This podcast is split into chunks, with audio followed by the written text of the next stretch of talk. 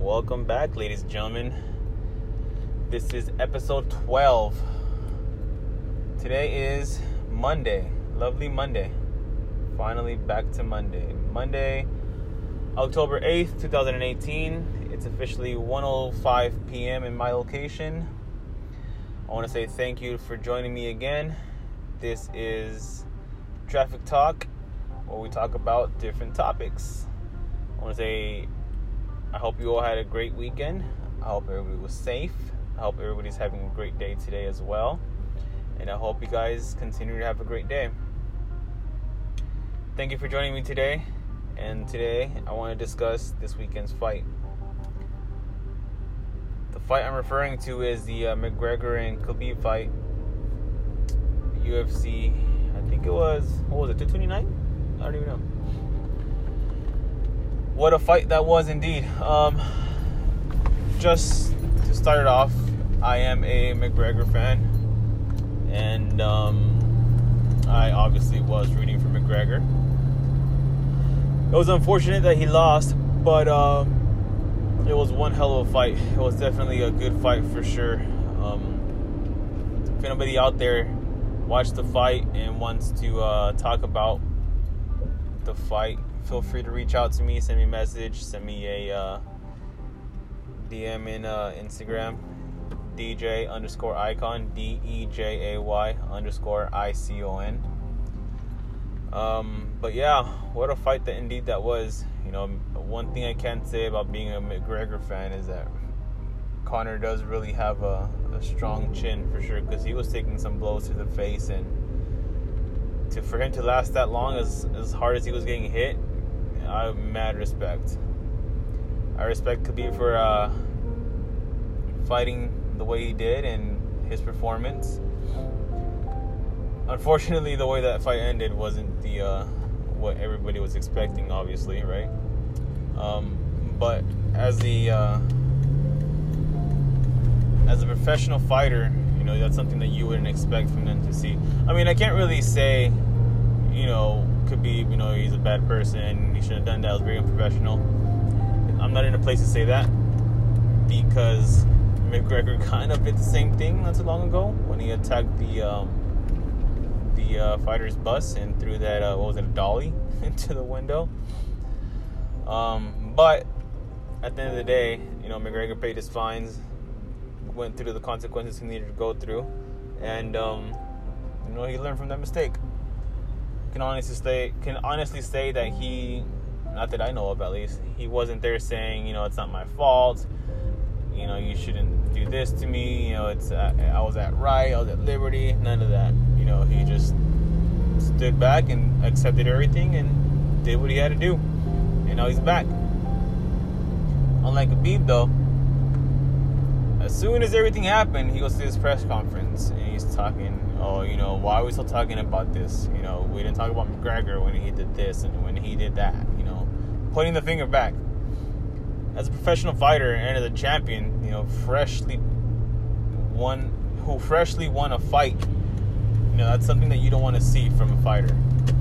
You know, you want to be a leader, you want to be respected, you want to be the one that everybody knows you're the one and to pull something off like that, I mean, it's just uncalled for. And for his team too, you know, like his team was out there jumping into the octagon and um, starting to fight McGregor. Yeah, McGregor took the first punch, but why were they in there in the first place?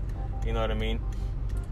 So it's uh, it's a tough scenario for Dana White to uh, go in there and say, "This is what I'm going to do," because I'm sure he doesn't have much I mean, I'm sure he does have power to say, you know, I'm this person's this, this person that. But I know um, Nevada State's gonna consequent both of them, and um, you know, make them pay for whatever they for the um, actions that they were involved in. But if I was uh, Dana, and if if it was up to me, you know, I honestly, not because I'm just a McGregor fan, one I hold um, could be responsible. You know, that was your team. You attacked the team. You know, you decided to jump out of the cage. You decided to jump in the crowd, and you decided to pursue the fight. outside of the ring after your fight, after you won. Maybe if it was the other way around and he didn't win, you know, I would accept that, you know, because out of frustration, a lot of emotion, and all that good stuff. Maybe, you know, I can see how that happened. You know, he was frustrated, and mad that he lost, he didn't want to lose, you know, he was undefeated, whatever, whatever. But he won the fight. That's what I'm having a hard time understanding. You know, you won the fight, and you need to hold your head up, hold your chin up, show everybody that, that you're the man, and um, take it from there. You know, not throw your mouthpiece at whomever, not jump over the cage and jump into the crowd and start a fight and a brawl, make sure you hold your team accountable because they're the ones that jumped into the cage as well and started fighting McGregor. So, you know, like uh, that just shows that his team is out of control and doesn't know professionalism from emotion. If that makes sense. And like Khabib said, you know, he talked about my country. He talked about my parent, my family. He talked about me and whatnot. I mean, that just shows that you're breakable. You know, that goes to show how easy it is to break somebody and go out there to start a fight like that. Everybody knows McGregor. McGregor is known for his mouth, you know, but he's also one to back it up. And everybody should expect McGregor to go into a fight, any fight, and talk trash. And he's gonna talk trash until you break, and that's what he wanted. That's what he wants. He wants to get under your skin. You know, and, and, and it takes somebody who's thick-skinned and professional enough, professional enough to take that action, to take that fire.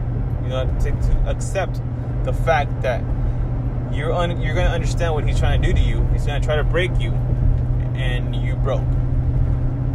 And that's what he wants for you to do is break. At the end of the day, you know, I think McGregor won that fight because he broke Khabib and he made Khabib fight out of emotion after the fight. So, I mean, that's just the way I see it.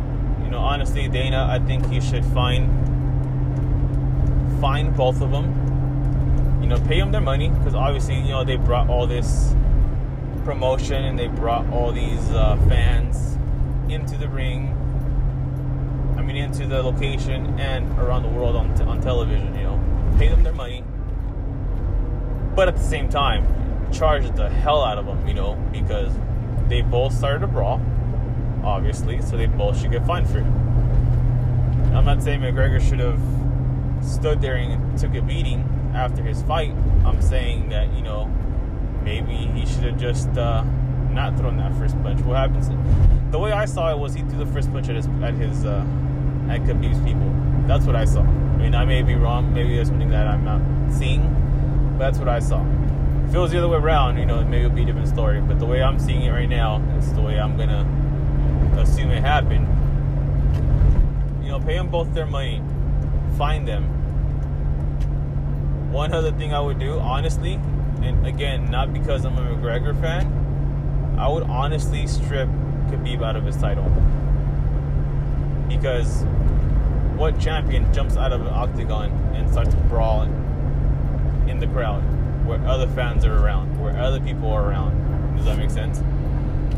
That's the way I see it. You know, a true champion, a true champion is supposed to show character, professionalism, and lead by example. You know, his his team followed in his footsteps. He jumped out of that cage. He started a fight, so his team did the same exact thing he did. They jumped into the ring and started a fight. You know, they had no reason to be in the ring, in the octagon, I'm sorry. They had no reason being in there.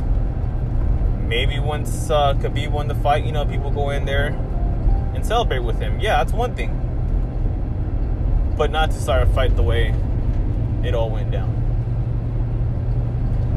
So, I mean, again, that's the way I see it. That's what I uh, I'm expecting to happen You know, I, I really do believe that um, Dana White's in the strip Khabib from his title.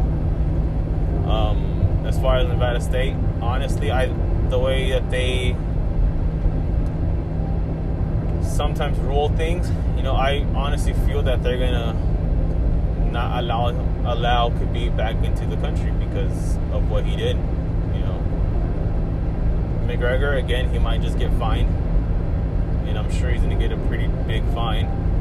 And hopefully, within these this week, we can see what the turnout was because I'm sure, just like me, a lot of people are uh, curious to see what's happening and what's going to happen and what what's next. So. But yeah, that's my intake. That's my two cents. Um, if anybody else out there that's listening, watch the fight and feels uh, the same way or feels different about the outcome and the uh, consequences that are to come, let's talk about it. Reach out to me. Let's uh, let's, let's feature you in this in this uh, podcast and let's uh, discuss. But uh, lastly, I just want to say thank you guys. I want to uh, express my thankfulness to you for letting me borrow 11 minutes of your time, 11 minutes out of your day to uh, spend with me and listen to me talk nonsense. Uh, I'm just now reaching some traffic. Finally, traffic talk is becoming its uh, its reality as always. I'm actually heading south on the 15 freeway right now, heading down to Chino, and I'm about uh, five minutes out with traffic, probably 15. And um, my day is uh, coming to an end soon, so this will probably be my last location that I'm going to. I want to wish you guys a great rest of your day. Have a good week. Stay safe. Be blessed. And if you guys want to join in these conversations, reach out to me. You guys have a great day and I will see you on the next one. Thank you.